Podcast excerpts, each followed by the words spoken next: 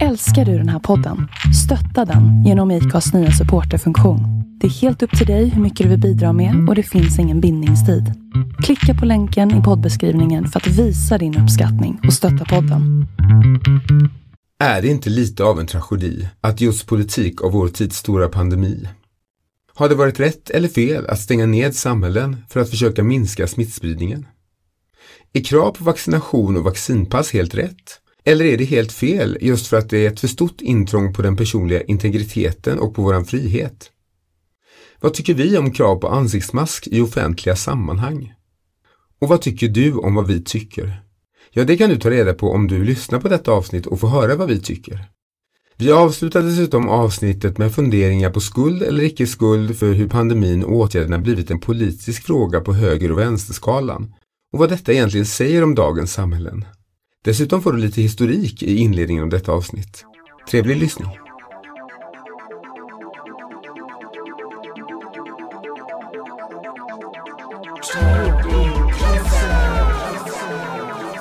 En podcast inspelad i en garderob någonstans i Stockholm.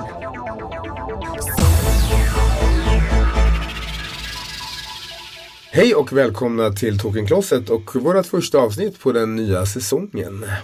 Jag heter Christer CJ Järvhäll och med mig har jag Patrik Gren som, som vanligt. vanligt. Och vi ska inte prata om snuskerier som vi hade hoppats. Nej, det blev lite ändringar i planerna här. Det skulle handlat om porr idag egentligen, vilket Mm. vi tyckte var en härligt sensationell sak att prata om så här i början av en ny säsong. Men det hände grejer. Det är folk som är sjuka, det är covid och omikron och så. Det blir svårt att få in gäster till programmet. Så vi får göra lite ändringar och bestämma oss Ja. för att prata om corona och covid istället. För tanken var ju att vi skulle ha en gäst om porravsnittet. Det känns lite konstigt bara att två killar sitter och pratar om porr. Så vi tyckte vi skulle ha en tjej med och då har pandemin och lite sjukdomar kommit i vägen. Ja, men eh, då får vi chans att prata om någonting som faktiskt är mycket mer aktuellt.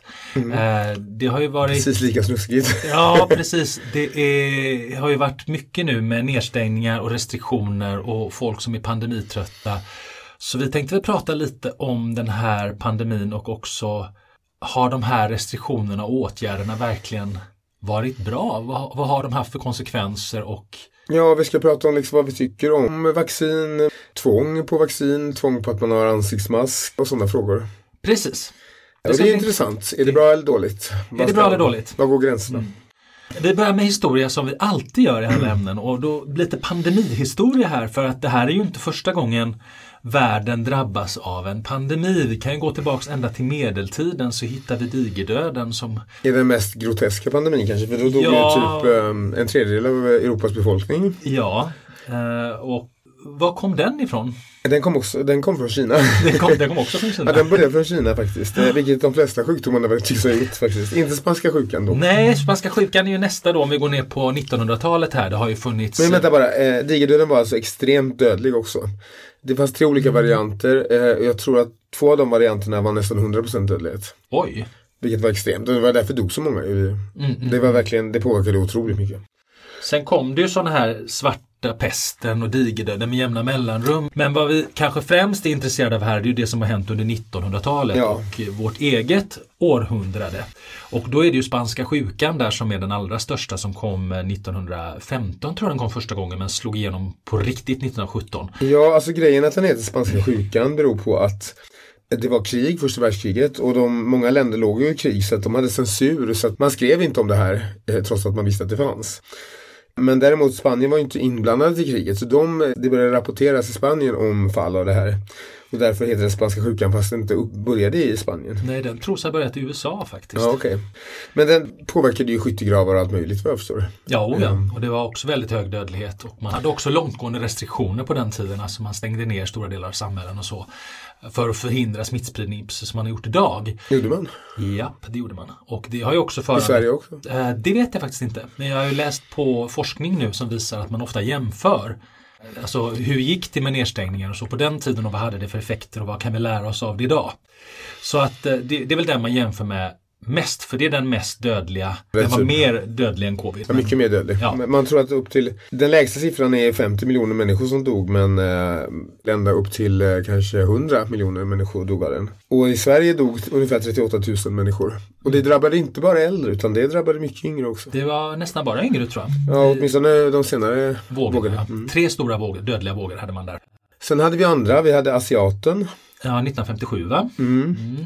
Den var ju lite mildare och det dog vi några tusen i Sverige tror jag. Eller? Ja, Där hade man lite, alltså man hade lite åtgärder vad jag förstår. Man stängde ner eh, skolor i några dagar bara och ställde in lite repövningar och permissioner och sådär. Men det var inte några, det var inte nedstängning på den nivån vi har sett under coronan. nej. Och sen har vi Hongkong-influensan. Ja. När kom den?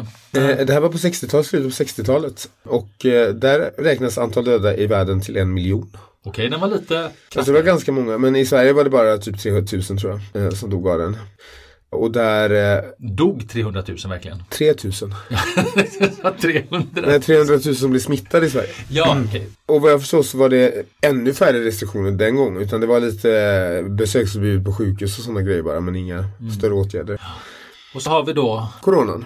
Covid-19 Ja. och alla dess varianter som vi nu har fått räkna till alfa, beta, delta, omikron och allt vad det är för. Precis. Och coronan har eh, totalt ungefär i världen dödat 5,5 miljoner Än så länge. än så länge.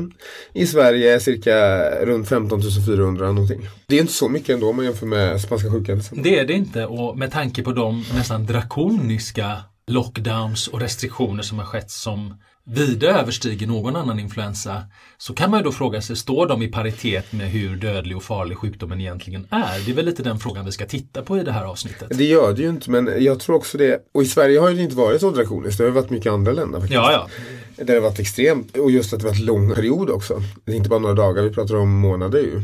Eller hur? Ja, ja, oh ja. Men grejen är det att jag tror att det beror mycket på att man inte, att folk dör var liksom en del av livet förr. Ja. Det är som, det är nästan vi inte kan tänka oss det nu. Nej, vi har en förväntan tror jag på att medicinen ska lösa alla problem. Ofta när man, när man läser de här som, som, som är så rädda för att folk ska dö och att det är så många som dör och så att de tycker nästan att sjukdomen skulle vara någon slags man-made påhitt som vi på något sätt kan stoppa. Man tänker inte på att det här är, är, naturligt Nej, och liksom om man någonstans. tänker, åtminstone om vi pratar om spanska sjukan, det var samtidigt i slutet av ett världskrig, det redan dött 11 miljoner människor i kriget. Och liksom, alltså, Ja, precis. eh, det, det var liksom inte så, ja ja, det är människor dör liksom. Alltså, men det har vi svårare att acceptera nu, så jag tror att det är därför det har blivit så drakoniskt. Men det är också, samhället har ju... Ja, men vi har fått ett mer humanistiskt samhälle. Vi har fått ett, ett uppsving av människovärdet, och vilket är fantastiskt naturligtvis. Vi vill skydda gamla, äldre och sjuka människor och det är ju det de här åtgärderna någonstans har syftat till. Även om jag nog personligen skulle säga att den främsta orsaken till alla dessa restriktioner har varit att inte belasta en underdimensionerad sjukvård. Ja, plus att man, att man tog väldigt snabba beslut i början därför man visste inte heller. Nej, man visste inte hur allvarligt det var bli. ganska drakoniskt direkt från början innan man visste hur det skulle bli. Sådär. För att det verkar ju inte heller som att den här nedstängningen har alltid gjort så, sådana mirakel direkt. I vissa länder verkar de ha gjort det, i andra länder verkar de inte ha gjort Ja, Mm. det. Och det kan man ju diskutera varför det är så egentligen. Men Sverige valde ju en annorlunda väg redan från början. Ja, som vanligt kör vi Och- vår egen. Ja, precis. Och vi hade ju ett väldigt uppsving på döda där i början. Mm. Men så här när vi har gått ett par år in i pandemin så har vi ju sjunkit på antalet döda lista i Europa från att ha legat på fjärde, femte plats till att ligga någonstans på 27, 28 plats idag. Alltså vi ligger inte ens i toppskiktet längre. Nej. I slutändan så har inte så mycket människor dött i Sverige fler än i övriga europeiska länder. Och många länder som har haft mycket mer drakoniska restriktioner och lockdowns och så har betydligt fler döda per capita. Mm. Som. Frankrike, England och så. Spanien, Italien, Ja, alla eh, de högre. Belgien. eh, Det finns många exempel. Men sen är- finns det andra exempel som skandinaviska länderna, Norge, Finland och Danmark som har klarat sig väldigt milt ur den här pandemin vars restriktioner verkar ha fungerat mycket, mycket bättre. Och Jag där tänker att ligger det vi beror både på åtgärder såklart, men också på vilken typ av sjukvård man har och folkhälsotillståndet i allmänhet också tänker jag. Absolut. En av anledningarna till att det var så mycket dödsfall i början var ju just för att eh, viruset lyckades ta sig in på äldreboenden och sånt i Sverige för att vi inte hade samma kompetens på personal som jobbar och så. Man hade inte Nej, samma nej. medicinska kunskaper inom äldreomsorgen, vilket gjorde att väldigt många äldre dog. Där har man ju inte haft samma åldrings, man har haft bättre skydd på åldringsvården i andra skandinaviska länder, vilket förmodligen har räddat väldigt många gamlas liv. Även Tyskland har lyckats bättre än Sverige, trots att det är ett stort land. Men ska vi ta och bryta för lite nyheter?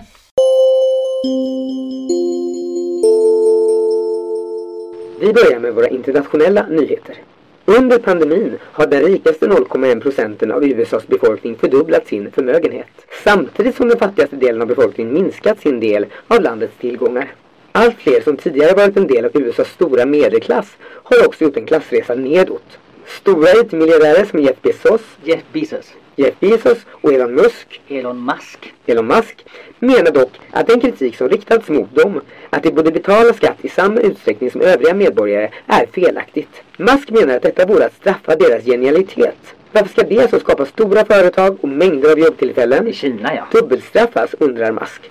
Genom att både betala minimilön till lata arbetare och skatt till staten. Staten som bara skapar problem genom att ställa krav på sådant som miljöhantering och säker arbetsmiljö. Musk kommenterade även att om det inte passar så kan minsann mångmiljardären åka och bosätta sig på Mars. Så får vi andra se hur mycket vi kommer sakna dem. När en journalist poängterade att Musk fått statliga subventioner på mångmiljardbelopp för att han utvecklar elbilar och att detta faktiskt är skattemedel, svarade Musk med att statliga subventioner nu bör avskaffas då han själv inte har rätt till fler i vilket fall som helst. Nu bör istället lagstiftarna fokusera på att minska utgifter såsom matkuponger till fattiga barn och subventionerad sjukvård för pensionärer så att man kan sänka skatterna på de allra högsta inkomsterna och på så sätt stimulera de bästa människorna att bli mer produktiva och skapa fler arbetstillfällen I Kina. genom att anställa betjänter och personliga hjälpredor. Så över till Europa. I Storbritannien har nu landets premiärminister Boris Johnson blivit mycket hårt kritiserad den senaste tiden. Denna gång även av många i hans eget parti då det visat sig att han anordnat en stor fest dagen innan begravningen för drottningens make. Och att det på denna fest inte vidtagits några åtgärder för att hindra smittspridning av covid. Då resten av befolkningen stått under tvingande regler sticker detta i ögonen på många. Det har också uttalats anklagelser om utpressning och hot mot parlamentsledamöter i Johnsons eget parti om dessa vågat uttala sig kritiskt mot honom som ledare. Då Johnson fick frågan hur han svarar på denna kritik sa han Vi genomförde ju i varje fall Brexit.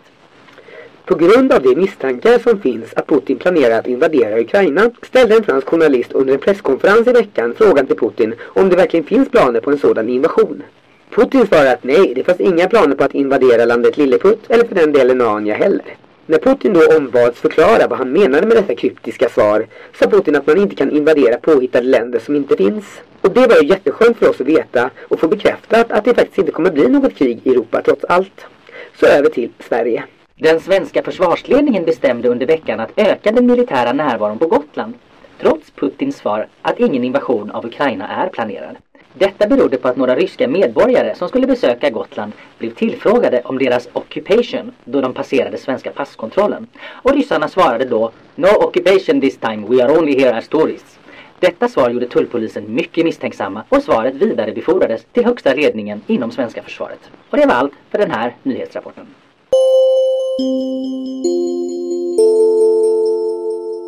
Ja, välkommen tillbaka till garderoben. Och vi har pratat lite om pandemihistoria eh, och visat att det inte är första gången världen drabbas av en global pandemi. Nej, det är del av Eh, livet. Men den har varit eh, den näst dödligaste de senaste 120 åren i varje fall. Typ. Med bara spanska sjukan som har varit värre. Nu ska vi prata om nedstängningar till att börja med. För det Mm, var de åtgärderna åtgärderna. överhuvudtaget har ju varit drakoniska men nedstängningar har ju varit ett... eh, Det var ju det första man gjorde i stort sett. Det var det första man gjorde ja. Och ganska rejäla lockdowns. Absolut. Och det skedde ju ganska snabbt. Och ganska drastiskt i de länderna där det började. Italien till exempel. Ja, Eller delar av Italien i varje fall. förstår. ja, norra Italien först men det spred sig rätt fort. Men Sverige reagerade inte så mycket på det. Nej, det var faktiskt så att det var några länder som gick Sveriges väg från början också. Sverige var inte helt ensamma. Vilka var det? Eh, Storbritannien, eh, men även Norge till att börja med, hade ganska milda restriktioner. Men de svängde rätt fort när de märkte att eh, dödligheten tog fart i Norge och lyckades faktiskt bromsa upp det väldigt, väldigt fort också. Men de hade faktiskt fler sjuka än oss precis i början av pandemin. Men de hade ganska drastiska. De hade lite hårdare restriktioner än oss. De stängde gym, de stängde eh, skolor och sånt, vilket vi inte gjorde i Sverige. Jag tror att till exempel shoppingcenter och sånt var fortfarande öppet i Norge. Så de var inte lika hårda som i många andra delar av världen. Finland var också snabba, vilket stoppade pandemins spridning i Finland i början. Eh, Så de skandinaviska länderna generellt hade en effektiv eh, Men UK pandemi- hade ju en jättehård nedstängning. Ja, Boris Johnson svängde ju rätt fort när, när det började ta fart. Men det verkar inte som att det hjälpte. Det hjälpte inte alls. I Storbritannien hjälpte det inte. Det är konstigt. Eh, Jättekonstigt. Men eh, först så ville de, Boris Johnson tyckte ju Sveriges väg var en bra väg, vilket även Trump i USA tyckte. Men eh, fick på grund av opinionen i England väldigt mycket svänga om och eh, stänga ner samhället. Ja, han gick ju dessutom på ett sjukhus och sa att det här är inte farligt och hälsade folk som var sjuka och blev sjuk själv sen. Ja, precis. Ganska rejält sjuk, han var inlagd till och med. Ja. Men det är konstigt då att det funkar i Norge och Finland men inte i England. Nej, och det funkade inte, eller funkade, det vet man ju inte, men, men vi kan ju se så här att om vi jämför Sverige som utgångspunkt så kan vi ju se att Norge, Finland och Danmark och Island till exempel har ju betydligt färre döda per capita än vad Sverige har. Och de har ju haft väldigt effektiva smittskyddsrestriktioner så att säga då och har lyckats väldigt bra. Även Tyskland har lyckats väldigt, väldigt bra. Jo men då vad är skillnaden? För England hade också restriktiva. Ja, och sen har vi då England, Frankrike, Spanien, Italien som har, Belgien. Belgien som har infört drakoniska nedstängningar men har ändå inte lyckats stoppa smittspridningen. De har betydligt fler döda än Sverige har. Ja, det är jättekonstigt. Och det är ju svårt att bedöma vad gjorde man rätt i de skandinaviska länderna eller har det andra demografiska faktorer? Är det fler äldre i de länderna där det har dött många människor? Är det så att det är mer tättbefolkat? Är det så att man har en annan kultur där människor är nära varandra? Där det är svårt att bryta upp med, med hjälp av lockdowns och så här. Jag läste i varje fall att Italiens genomsnittsålder är ganska hög. Italiens genomsnittsålder är väldigt hög. Alltså det kan ju påverka där i varje fall. Men jag tänker också folkhälsan i allmänhet som sagt. Ja, så kan det Jag, jag menar det verkar ju som att, att till exempel ha diabetes och vara fet och otränad är ju en eh, faktor som ökar risken att du dör Ja. av det här. Kanske är så att, att norrmännens turer uppe på fjället där har hjälpt dem att hantera pandemin bättre. Ja, plus att det är mer glesbefolkat och Sverige också i jämförelse med Ja, Stockholm är ju det område som är värst drabbat i Sverige och det är inte så glesbefolkat. Nej, nej, men det, alltså, det är ju uppenbart så att bor Precis. folk jättelångt ifrån varandra så kanske inte... Men då kan man ta Danmark som exempel. Danmark är ju ganska tättbefolkat också och har klarat sig mycket bättre än Sverige också. Ska man komma ihåg. Nu har de inte haft de här typen av drakoniska nedstängningar vare sig i Danmark eller eh, Norge eller Finland. Inte i jämförelse med till exempel Italien och Frankrike där man i princip har låst in människor. De har fått böter om de gått utanför dörren. För att i Italien var det ju där fick du lov att gå ett varv runt kvarteret om du hade en hund. Du fick lov att gå till mataffären ett visst antal gånger per dag och du fick skriva på ett papper när du gick ut. De hade alltså folk som kontrollerade så du var i princip fängslad i ditt eget hem under månader. Men då tänker jag så här också att vad tycker vi om det här? För jag, jag tror också att det här att det började att Italien var så drakoniskt var ju också att det kom till Italien först efter Ja. Kina. Och att man visste ju inte riktigt. Plötsligt började folk dö och man insåg att jättemånga blev sjuka och man visste inte riktigt hur hög dödlighet det var. Så jag tror att det var lite så här panik. Panik. Ja, vi stänga ner bara för hjälp. Man vet inte vad som händer liksom.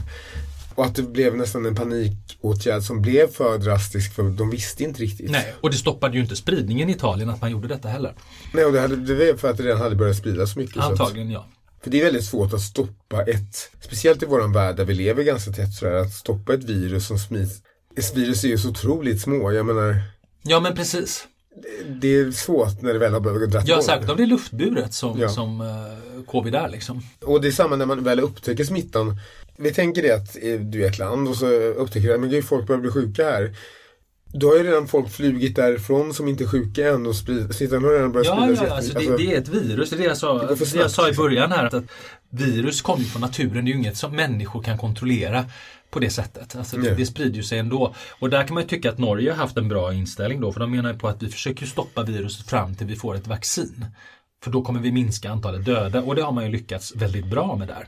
Här hade vi ju liksom någon idé om att vi skulle ha flockimmunitet från början vilket tog död på en enorm mängd människor i Sverige. Det kanske var bättre om man hade skjutit på den där flockimmunitetsidén tills dess att vaccinet var på plats. enorm mängd människor kanske överlever. men- Ja, och ganska många ändå tycker jag. Men sen kan man ju titta på de här nedstängningarna. Om man nu har en nedstängning så är det ju för att den ska ha en positiv inverkan på smittspridning. Men den har ju otroligt mycket negativa inverkan på andra saker som den ekonomiska aktiviteten i ett land, den psykiska hälsan. Alltså det finns ju massa faktorer. Vi kan ju se idag effekten av nedstängningen som inte är Ja, alltså dels verkar det som att det inte bara har varit, alltså även länder där man har stängt ner väldigt eh, drastiskt har det ju inte överallt hjälpt. Nej. Så man vet ju inte om nedstängningarna ens är, har varit så effektiva. Och nedstängningar är ändå en ganska stor, eh, det är stort ingrepp på den mänskliga friheten och den ekonomiska möjligheten att tjäna pengar och överleva. Ja, ja. Faktiskt. Och värst är det ju länder om man stänger ner där det kanske inte finns sociala skyddsnät och så.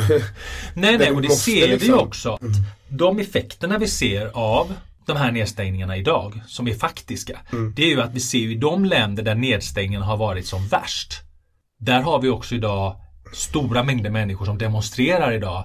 För Ja, att de tycker precis. det här är ett ingrepp mot den mänskliga Ja friheten. men det är klart att det är liksom. Det är det ju liksom. Alltså, och om vi tänker på dödligheten är, vad är den, 1 1,5 procent? eller så? Ja, den är Eller var. låg. Ja. Eh, Liksom att du då säger till 100% av befolkningen att ni får inte gå ut, ni får inte jobba, ni får inte, alltså, ja, precis. Men eh, det var väl också för att man inte riktigt har vetat. Att, jag tror att om man är politiker är ju det här hopplös situation. För stänger du inte ner och folk dör så var folk jättearga på det för det. Stänger du ner väldigt mycket så är folk arga på Alltså hur du än vänder dig så kommer folk vara arga liksom.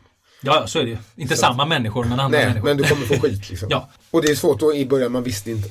Nej, precis. Man visste inte hur snabbt det skulle spridas, hur farligt det var och så vidare. Men negativa effekter av nedstängning är inte bara att folk demonstrerar och blir arga. Utan den har rent... Eh, Ja, ekonomiska eh, påverkan har det har påverkat jättemycket, speciellt småföretag och liksom eh, servicenäring, alltså sådana grejer. För det finns ju industrier som gått bra på det också. Ja, det är klart. Netflix har ju varit, haft jättesuccé. Ja, digitala industrier bör ju lämpligtvis ja, och. Amazon, alltså han har blivit mycket, mycket rikare. Ja, och även läkemedelsbolagen blir rikare på det här Ja, också. Och de som att- säljer medicinsk utrustning som munskydd och så. Speciellt som sagt, i Sverige har vi hyfsat skyddsnät ändå, men i länder som USA, för det första blir ju jättemycket människor arbetslösa och många har ju sjukvård via arbetet, alltså för sjukförsäkring. Så när de förlorar jobbet, så det var ju så dubbelt att de kunde inte ha råd att åka till sjukhus för att de var sjuka, för det är ju jättedyrt om du inte har sjukförsäkring. Då ruinerar du nästan, bara ligga en natt på sjukhus, det kostar ju 20 000, alltså det är ju otroliga summor liksom. Ja. Och plus att de har sämre att de kanske inte hade, de har inte, får inte lov att sjukskriva sig lika mycket, de får inga pengar om de är sjuka. Så vilket gör att folk, när de är sjuka, går till jobbet. Plus att fetma-problematiken i USA är jättestor. Så USA, det är därför USA har misslyckats så totalt med det här. För att de är för liksom, Ja. du får klara dig själv, punkt liksom. ja, men precis. Och sen den psykiska ohälsan har också ökat på grund av nedstängningen, har ju visat sig. Men för jag tänker om det, om det är så här, du är i en situation där du knappt har pengar till mat och hyra och du har barn hemma och du känner dig lite sjuk och tänker att det kanske är Corona. Men om jag är sjukskriven nu kanske till och med förlorar jobbet eller jag förlorar åtminstone inkomst för två veckor som jag, det har inte jag råd med. Jag går till jobbet ändå. Ja, och du blir tänkte. stressad. Den psykiska ohälsan ökar ju också av en form av stress. Ja, Och jag vet att du hade siffror från England tror jag, alltså hur mycket den psykiska ohälsan har påverkats av. jag kan läsa här. Hos vuxna har proportionen av individer som visar symptom på depression fördubblas sedan starten på pandemin enligt eh, Office for National Statistics. Mm. Och det är England då. Sverige tycks ha drabbats lite mildare men det är fortfarande en, en ökning. Det är en ökning men det, vi har inte haft så drastiska nedstängningar. Nej, heller. men det är en ökning av den psykiska ohälsan även i Sverige. Självmorden har inte varit så mycket ökning på. Man ser inga statistiska ökningar som är mätbara. Men eh, depressioner och psykisk ohälsa har definitivt ökat i pandemins spår även i Sverige. Man pratar om det här att folk sitter hemma. Det är våld i hemmet. Våld i nära relationer. Och det visar sig både i England, och vi tar England igen som en jämförelsenation, att våld mot kvinnor och barn ökar också i spåren av att folk är hemma mer. Ja. Så det, det finns både en positiv och negativ effekt måste vi säga. För van, misshandel ute på stan har minskat. Ja, det har den gjort faktiskt. Medan våld i hemmet, speciellt mot kvinnor, då, har ökat Ja. väldigt mycket. Så barn och, kvinnor barn. drabbas hårdare och män drabbas mindre. För våld ute på stan brukar drabba män medan våld i hemmet brukar drabba kvinnor och barn. Oftare i varje fall. Ja, Ja. så att det här slår hårdare mot de svaga. Så att om vi räddade, om pandemin då räddar vissa människor så slår den hårdare mot andra. Och Precis. Det skulle vara intressant att se ett nollsum, alltså en slutsumma på det här egentligen vad nedstängningen har kostat i ökat mänskligt lidande mot vad de har tjänat i form av icke-spridning. Men det får vi nog aldrig veta de siffrorna tror jag. Det Nej, nej, det är svårt att göra så totalsiffra Mm. för att det beror på vad, vad värderar du mest. Men jag tänker också, jag vill bara säga att det här påverkar också beroende på vilken typ av människa du är. För jag har alltid sett mig som en väldigt extrovert människa. Men den här pandemin, för jag har fått mig att inse att jag inte är så extrovert som jag trott. Att jag är ganska jag tycker det är ganska skönt att slippa människor och få vara Ja, för och mig jag är själv. precis tvärtom. Jag har alltid trott att jag var en ganska introvert människa. Jag mår inte alls bra av att jobba hemma och sitta hemma utan jag längtar tillbaks. Jag till behöver inte normalt liv, folk, få komma jag. ut, umgås med människor, resa, göra sådana saker. Ja men det är klart att är saker jag saknar men alltså just det här med att man hela tiden ska ha människor omkring sig, att man inte får eh, vara med människor. Jag skiter i det. Alltså, jag, och jag har alltid fått höra att jag är så extrovert och du är så trevlig att umgås med, du är så extrovert. Men jag tror att det, det kanske bara är något som andra tycker, jag kanske inte är det som, Nej, som jag men jag får, brukar få höra att jag är extrovert också. Men nu har jag fått bevis på att jag är mer extrovert än vad jag trodde att jag var. För att jag har inte alls Så Åtminstone om du är introvert som person så är det här kanske lättare för dig. Om du är väldigt extrovert så måste du vara extra jobbigt åt. Ja, precis. Så att det beror på vilken typ av människa du är också. Sen också, det här med omikron vill jag bara säga när det gäller nedstängningar. Att, för nu försöker man stänga ner igen. Men det verkar ju som att det här är mycket, mycket mer smittsamt. Och frågan är, är det någon idé? Ja, det verkar ju som att det verkar bara så gå här. befolkningen jättesnabbt liksom. Alltså, det verkar som det ingen... För nu är det till och med som att vi har drabbats idag av en person som råkar känna en person som har visat sig ha det och då måste den personen också vara i karantän. Men jag tror att det är redan för sent. Alltså det redan spridits till nästa person ändå. Ja, och sen det här med karantäner och så som sker nu. Liksom, det, det gör ju att stora delar av samhället lamslås. Alltså, redan idag är ju sjukvården utarmad, inte på grund av att de har så mycket fall på sjukhusen utan att personalen sitter i karantän. Eh, för de kan inte gå till jobbet. Liksom. Och det gäller ju all samhällsviktig Alltså elförsörjning, brandmän, sjuksköterskor, läkare. Alltså om alla sitter i karantän så kommer ju liksom inte samhället fungera och när det sprids så här fort så blir det oerhört, jag känner ju en oerhörd mängd människor som sitter i karantän idag liksom. Och, Ja, och jag tänker också att om det har spridit sig till en viss procent, vi säger 30 procent av befolkningen, jag tror att då är det för sent. ja, jag tror det också. Jag tror att, att de här nedstängningarna som sker nu är ganska lönlösa faktiskt. Jag tror det också. Ja, Och kommer ju bara, för folk är så trötta på det också, så risken är ju att man gör en politisk miss genom att stänga ner igen. Att folk, de här konspirationsteoretikerna och de, de mest hysteriska får vatten på sin kvarn. på absolut. Så är det. Men det har varit andra åtgärder, inte bara nedstängningar. Ja. Ansiktsmask har ju varit en sån här, eh, vad ska man säga, paradgren liksom som man tar upp och är för eller emot. Ska man ha ansiktsmask eller ska man inte ha ansiktsmask på Ja, sig? och även det har ju inte varit så mycket i Sverige. För att i Sverige, återigen, vilket förvånade mig jättemycket. För jag tänker att om vi tänker 80-talet, alltså vi hade sån tilltro till myndigheter på något sätt. Som myndigheterna säger, ni bör ha ansiktsmask på eh, kollektivtrafiken så hade typ 99,9% haft det och tittat illa på den som inte hade det. Ja, så var det ju. Men idag, någonting har hänt i Sverige för att till och med det sa ju att man måste ha på kollektivtrafiken. Men även när det var som värst, kommer jag ihåg, för jag åkte mycket kollektivt eftersom jag jobbar, åker runt mycket. Kanske var 30% som mest när det var som absolut Ja, värst de hade. Så de flesta hade inte mask. Och det var ju ingen som gick fram och, eh, jag, menar, jag har en kompis som jobbade i Schweiz. Som råkade ta, dra ner masken på en perrong och polisen nästan jagade honom liksom skrikande liksom. Ja. Medan i Sverige har ingen, det är ingen som har gått runt och tvingat oss att mask. Nej, det har inte varit ett tvång, det har varit en påbud. Ja, fast de att säger säga. du ska ha mask på sa de ju till och med i de här högtalarna liksom. Men det var ingen som liksom eh, såg till att det följdes. Nej, Och folk brydde sig inte så mycket. och folk brydde sig inte så mycket. Och det förvånar mig, för det känns lite osvenskt faktiskt. Ja, men är det så? Skydda maskerna då? Har de någon effekt? Alltså det är jätte, vi har försökt googla lite på det och det är jättesvårt. Det finns olika studier säger olika saker. Men en sak är ju säker i varje fall, har du mask så är det ju inte, det är ju, det är inte så att risken ökar i varje fall. Absolut inte. Och det finns en del studier som visar att den minskar.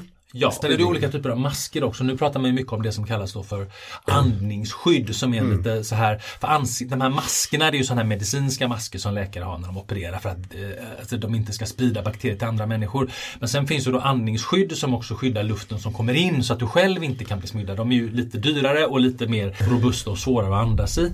Men de har ju visat sig skydda bättre, framförallt mot att bli sjuk själv. Det, det är inte, det är du är inte mer smittad om du har mask. Så det är i varje fall inte sämre. Och en del studier visar att det faktiskt hjälper, speciellt på en makronivå, att det skyddar smittspridningen blir mindre. Eftersom det inte är någon stor uppoffring då så är det ganska enkelt val på något sätt att använda Ja, mask. jag har heller inte riktigt förstått varför ansiktsmasker har blivit en sån symbolfråga för covid. För att det är en ganska enkel sak att ta på sig en För mask. nedstängningarna är ganska stort ingripande. Det är ett ingripande. Du kan inte jobba, du kan inte gå och handla och sådana grejer. Det är jättejobbigt. Men att ha en mask på sig, det är ju inte så jobbigt. Alltså det är ingen stor Det uppoffring. är ju lite jobbigt är det, men det är ju inte ett är inte ingrepp i den personliga integriteten att behöva ha en mask på sig. Så att jag kan tycka att frågan har blåst upp till oproportionerliga proportioner.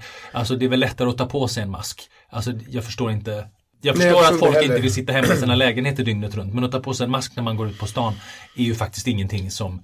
Nej, och liksom, eh, men jag vet inte hur mycket bråk det varit i Sverige om det. Nej, vi har inte haft så mycket maskbråk i Sverige. Eh, Återigen har ju detta varit, jag vet i USA är det nästan så de slår ihjäl varandra. Alltså det är att folk blir utsläpade ur gallerior och liksom Mm. verkligen hysteriskt. Och det var ju någon som gick, någon man som hade på sig par stringtrosor när han gick på ett flygplan. Och bara, det här är min mask. Liksom, fast det var kvinnliga stringtrosor. Ja. Och det slutade med att han blev arresterad. Och, Ja, ja, och det var men- jättemycket bråk om det. Vilket blir lite löjligt men eh, det är konstigt att det har blivit så stor grej i de länderna. Men det är för att de har haft då krav såklart. Mm. Men även om det är krav, är det verkligen så jobbigt? Nej. I Italien har det varit väldiga motsättningar kring de här maskerna också. Folk är väldigt trötta på dem. Och det är lite jobbigt. Jag har suttit på, på ett flyg faktiskt med en mask i flera timmar och det är inte roligt. Men man överlever. Det är Ja, ingen fara. enda, enda jag tyckte Nej. var att det var jobbigt är att du, när man har glasögon på sig så andas man upp så att glasögonen blir immiga. Liksom. Ja, det är, lite väldigt jobbigt. besvärligt. Men man lär sig. Jag har glasögon och jag har haft mask och det är, går. Men sen också, om jag har förstått det hela rätt, så är mask, alltså om vi inte pratar om de här maskerna som inandningsskydd som du pratar om, så är det mest för att skydda andra Ja. från din smitta. Ja. För att något man såg förr i tiden, alltså speciellt asiater, japaner och så vidare. Ibland såg man ju sådana gå omkring med mask. Ja. även om man såg program från Tokyo, så här, någon enstaka som hade. Och då alltid tyckt, men gud det är sådana här paranoida galningar som är livrädda för minsta lilla. Men det fick jag ju veta på, på grund av pandemin att det inte alls är så. Utan det är när man själv är förkyld så tar man på sig det för att skydda andra av ren hänsyn till andra. Ja, Och precis. det är ju ganska schysst faktiskt. Det är en ganska schysst grej som vi kanske skulle ta efter. Masker och andningsskydd tycker inte jag är något större problem faktiskt. Det, det är en ganska enkel, enkel sak för folk att ta på sig. I USA de som jämför det med ja, det här är som Nazityskland de, när de tvingade judarna att ha judestjärna. Alltså det är ju löjligt. Ja, men alla ska ju ha mask på sig. Det är ju inte så att vissa Nej, ska ha mask det, på sig. alltså, det är inte så heller att, att det är för att du ska liksom utpeka för att du ska hitta den personen och sen gasa ihjäl den. Alltså, den jämförelsen är absurd löjlig. Ja, det är den. Och det visar ju hur privilegierade vissa människor är som inte fattar bättre på Mm. något sätt. Och så kommer vi kanske till den absolut mest omtvistade av alla åtgärder så att säga. Nämligen Vaccinet. vaccinet. Det har ju gett upphov till konspirationsteorier, antivaxteorier. Är vaccinet farligt? Sprutar de in giftiga medel? Är det bara läkemedelsbolagen som vill tjäna pengar och därför så gör de vaccin som vi måste spruta i om och om igen så att de kan sälja vacciner i all oändlighet liksom och tjäna multum.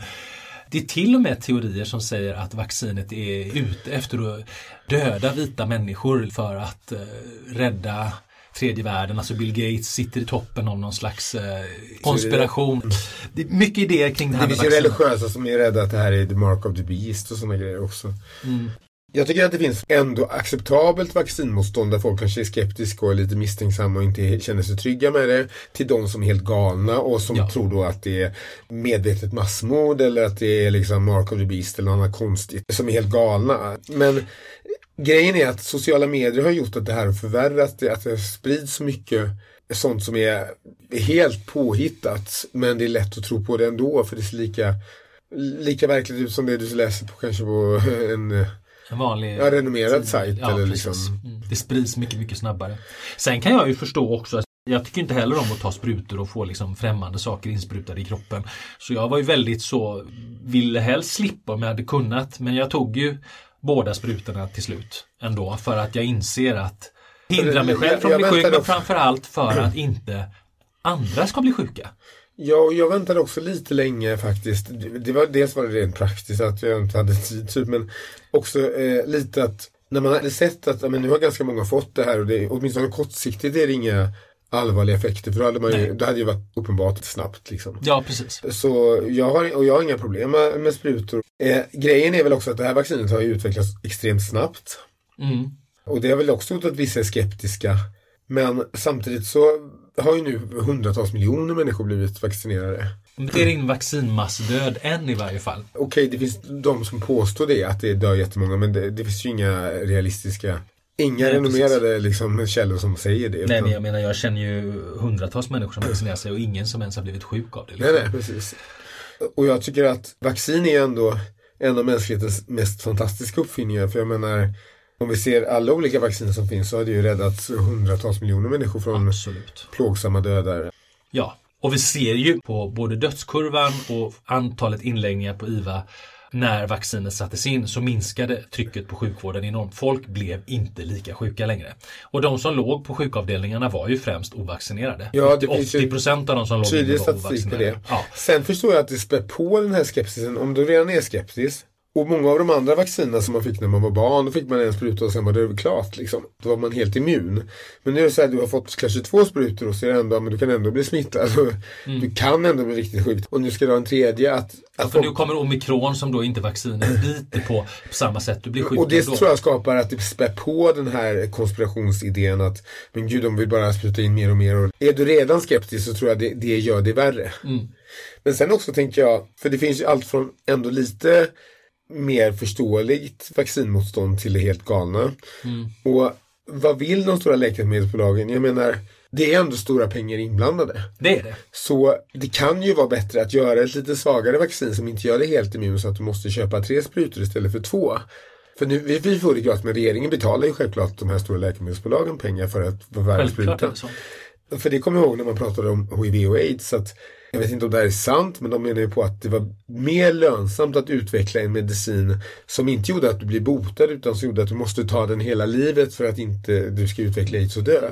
Vilket faktiskt, så ser ju aids-medicinen ut. Ja, HIV-medicinen. man menar på att man har forskat på det för att det har varit mer lönsamt. Det är ju ganska hemskt om det är så. Och nu har man lyckats sälja in PREP också så nu kan man få friska människor att äta den Ja, här men precis. medicinen dessutom. På det sättet blir kapitalismen något dåligt och att man i samband med det här skulle det vara bättre att låta sjukdomen finnas kvar och sen för evigt sälja vaccin än att hitta på en medicin som botar och helt utrotar sjukdomen på något sätt. Ja.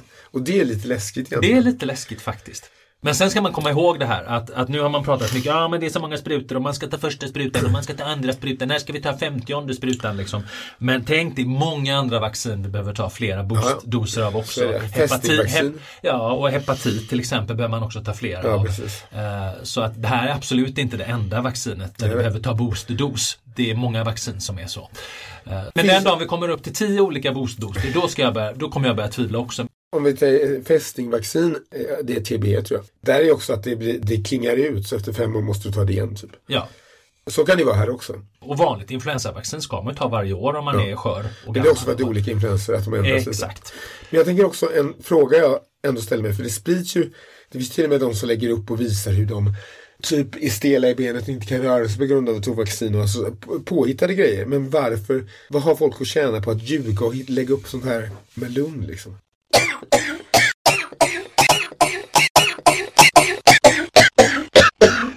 Jag har omikron, omikron. Vaccinet är inte farligt! Jag får ett andningshus Vaccinet är inte farligt, jag sprutar blod i munnen. Det finns inga bieffekter alls. ja, så kan det gå. Jo, men nej, jag vet faktiskt inte vad de har att vinna på det. Jag har ingen aning. Alltså, jag, jag tror kanske är det så att man är så övertygad om sin sak att det här är någonting som inte är bra. Att man gärna drar vad man tycker är en vit lögn för att stärka sin egen åsikt. För man tycker man gör något bra i förlängningen. Så kan det säkert vara. Ja. Sen tror jag att vissa gör det bara av rent sensationalism. Alltså att, okej Uppmärksamhet. jag vill dra eh, klick, likes till min sida så jag hittar på det här bara för att liksom Det var någon som skickade så här bilder av att de kunde man, bli magnetiska av när de hade tagit Ja, vaccin. men det var till och med någon på en sån här hearings i USA som en tesked på bröstet. Bara titta här. Jag tror vi ska bryta för lite, lite reklam. Meddelande från en sponsor. Tillbaka ska vi dra våra slutsatser och så ska vi säga vad vi tycker. Fast det kanske ni har förstått vid det här laget. Reklam. Är du rädd för biverkningar av det nya coronavaccinet? Litar du inte på att myndigheterna och läkemedelsbolagen är helt ärliga när det gäller långsiktiga effekter av coronavaccinet? Vill du, trots dina misstankar, inte gå miste om allt roligt du kan göra om du har ett vaccinpass? Du vill liksom både ha kakan och äta den. Du vill inte ta vaccinet, men du vill ändå ha ett vaccinpass. Då har vi på läkemedelsbolaget Necebo lösningen för dig. För vi på Necebo har nämligen utvecklat ett vaccin mot coronavaccinet. Med vårt nya vaccin No Fucking Vax blir du immun mot coronavaccinet och alla dess effekter, både positiva och negativa. Tar du vårt vaccin innan du får coronavaccinet så kommer coronavaccinet blockeras och vara verkningslöst. Du skiter och kissar ut det helt enkelt. Men fördelen är att du ändå får statusen vaccinerad. Notera att vårt vaccin måste tas innan du tar coronavaccinet och att du måste fylla på med en No Fucking Vax inför varje ny dos av coronavaccinet. Du kan köpa varje dos av No Fucking Vax direkt av oss via vår hemsida nofuckingvax.kvack.bluff för det mycket överkomliga priset av 1000 US dollars eller cirka 10 000 svenska kronor som speciellt gäller för dig då vi på Nicebo enbart gör detta för att vi vill hjälpa personer som just dig. Skulle du uppleva att det blir dyrt med många doser så har vi utvecklat ett klippkort du kan använda tillsammans med vänner och familj för att vi vill göra det överkomligt för dig. Därför får ni var 37 dos helt gratis. Vi samarbetar också med internetbanken ocker.org som kan hjälpa dig med lån för att finansiera vårt fantastiska antivaccinvaccin. Tveka inte, utan gå in och beställ din första dos redan idag på nofuckingvax.kvack.bluff. De första tre kunderna får leveransen helt gratis. Så vänta inte! Köp No Fucking Vax med en gång för din trygghets skull. Ja, då är vi tillbaks efter denna spännande reklam. Ja, våran sponsor för dagens avsnitt. Eh, nu ska vi dra lite slutsatser. Vi har ju pratat lite om historia, vi har pratat om nedstängningar. De tre restriktioner vi har fokuserat på är nedstängningar, vaccin och ansiktsmasker. För det är väl det som har varit mest i... Ja, vilka mer restriktioner finns det? Nej, inga alls. Avrättningar av de som är sjuka. det skulle vara något det. ja, precis. Kanske Avrättning av alla som inte har ansiktsmask. Nej, men alla som är sjuka tänker jag. Så utrotar man virus. Ja, det är ju sant i och för sig. Men, Men- vad drar vi för slutsats av det här då? Ja, slutsats ett, är ju att eftersom allting kommer från Kina hela tiden, det är Kinas fel allting. Mm, ja men det är faktiskt eh, teorier som, som menar på att det här var ett biologiskt vapen som slank ut ur ett laboratorium i Wuhan och inte alls misstag något naturligt. Ja precis. Och att det här spelar Kina i händerna alldeles utmärkt. Att det är ett virus som sätter ekonomiska och demografiska faktorer ur spel i västvärlden. Liksom. Medan de själva kan stänga ner. För i Kina har man kanske infört de absolut mest drakoniska nedstängningarna. alla. Man har. Typ spikat in folk i lägenheter. Fast det kanske bara är trams, jag vet inte. Nej, jag har till och med sett när det började då, men jag vet Ja. inte hur sant det var. Men, men eh, inte bara det, utan det varje gång, alltså förutom då eh, spanska eh, Sjukan. sjukan, så har ju nästan allting kommit från Kina varenda gång. Så det är att de Varför är lever, det så? Att de är så tätbefolkade, precis kanske som de här, eh, vad heter de här marknaderna som de har väldigt Wuhan. Ja. Ja men där de har levande djur alltså. ja, precis. Jag vet inte vad de heter. Eh, vilket gör att övergång från djur till människa är mycket, att det är större risk att det sker liksom. Mm. Ja, även alltså, vad ska komma de här mindre som är- aldrig blev riktiga pandemier, alltså svininfluensan och fågelinfluensan Ja. och så, de kom ju också från Asien. Och de var ju värre. De har mycket högre dödlighet. Hade de spridits lika mycket hade många fler dött. Ja, så Mm. okej. Allt ont kommer från Kina. Nej, inte allt ont, men just eh, pandemierna. Och sen är frågan, varför har det blivit, nu har det här med restriktioner, vaccin, eh, användning av ansiktsmask har blivit en höger-vänster-fråga. Inte så mycket i Sverige kanske.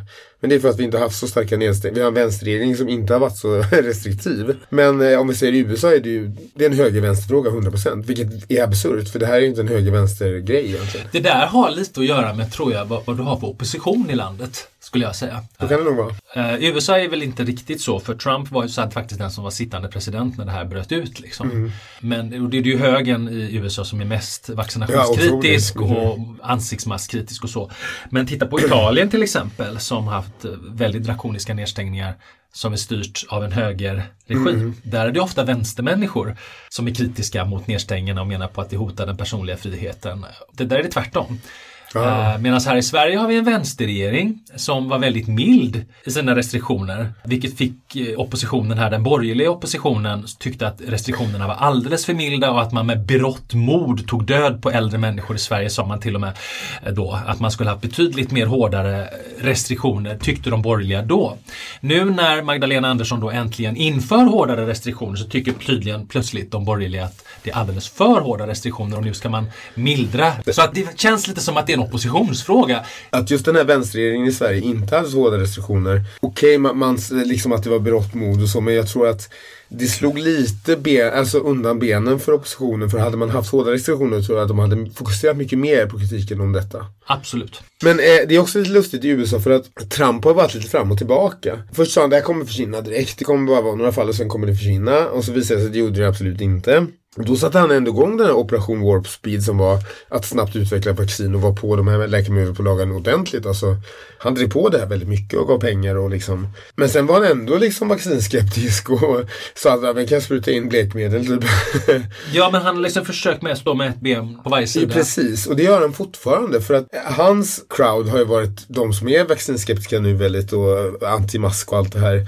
Och nu har han försökt dels ta åt sig äran för att vaccinet skapades men också reklamfört vaccinet och sagt att han själv är vaccinerad. Och inte ens han, för jag menar, de, allt han säger är ju rätt. Men inte den här gången. Han blir utbuad när han liksom då försökte få säga att de också borde vaccinera sig. Det gillar de ju inte alls. Nej. Så att han har liksom nästan skapat ett monster som man nu inte riktigt kan kontrollera. Nej, men vi, vi ser det här i Sverige också. Alltså, det var inte länge sedan Björn Söder, alltså våran talman, Sverigedemokraternas eh, Björn Söder, gick ut med en bild på att han hade tagit, jag tror det var tredje vaccinsprutan. Och han fick ju ett otroligt motstånd i sitt, eh, om det var Instagram eller Twitterflöde, där folk liksom, ja men är du galen och varför gör du det här och vad, håller du på med liksom? Att väljarna verkar vara ganska vaccinskeptiska även här. I Sverige är nog de som är mest. Och Björn Söder gick ju faktiskt själv ut och sa att eh, när han ser det här så inser han att vi måste höja kompetensnivån i Sverige för det verkar helt galet att folk är så vaccinskeptiska. Men jag tänker också för att eh, risken är just att om man för politiska syften eldar på lögner och fake news att det till slut kan... Det slår tillbaks. Ja, till slut faktiskt. Vi gör ju det alltså.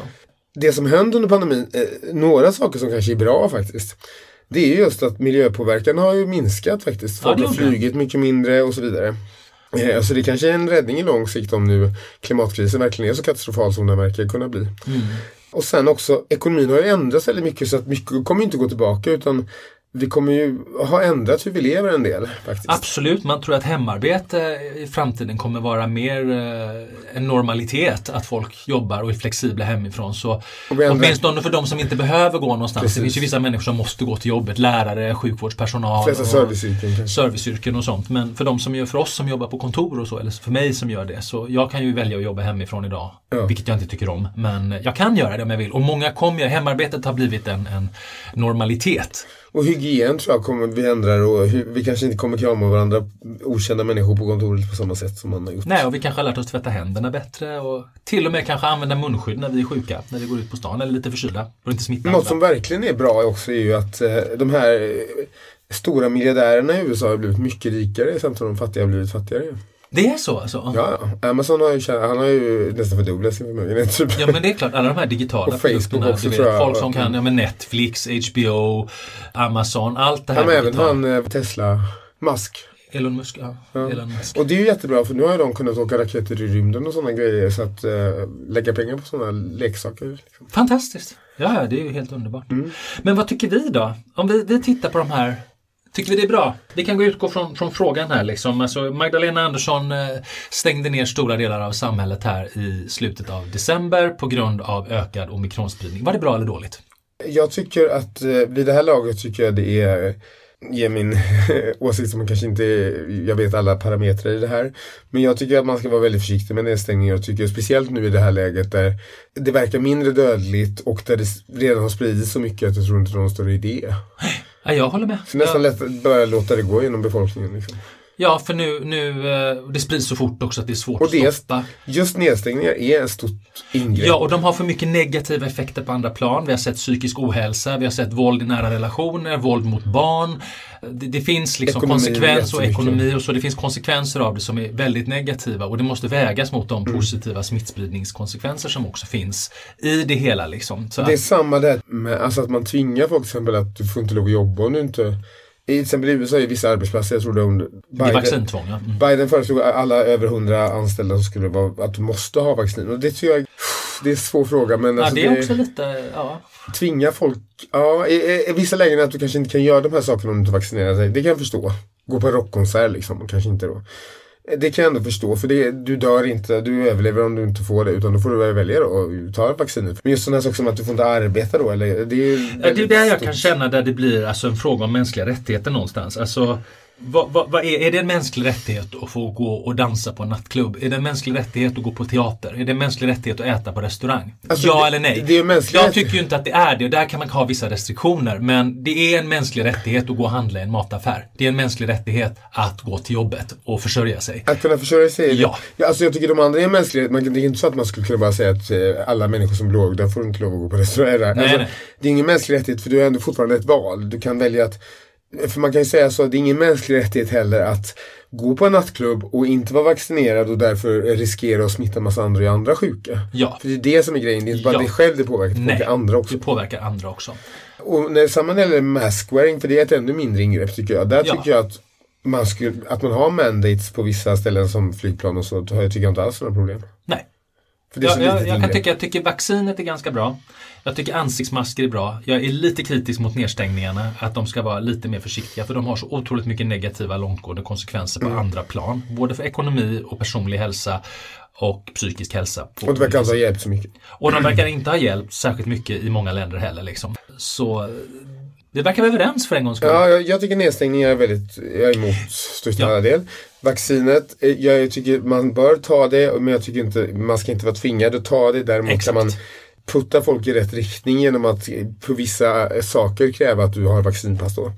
Och när det gäller mask så tycker jag att man absolut kan tvinga i vissa lägen för att det är ingen större Nej. uppoffring. Liksom. Nej. Ja, och sen gör det inte så mycket om folk dör, tycker inte jag. Nej, du tycker det. Ja. Det är skönt att slippa människor. Så sa den introverta. Människor är avskyvärda, låt dem dö allihop. Så, Och det var allt från oss den här gången. Eh, nästa gång kommer vi kanske prata om det, vi får se. vi får se. Beror på vad som händer med pandemin. Yes. Ja, Hej. hej.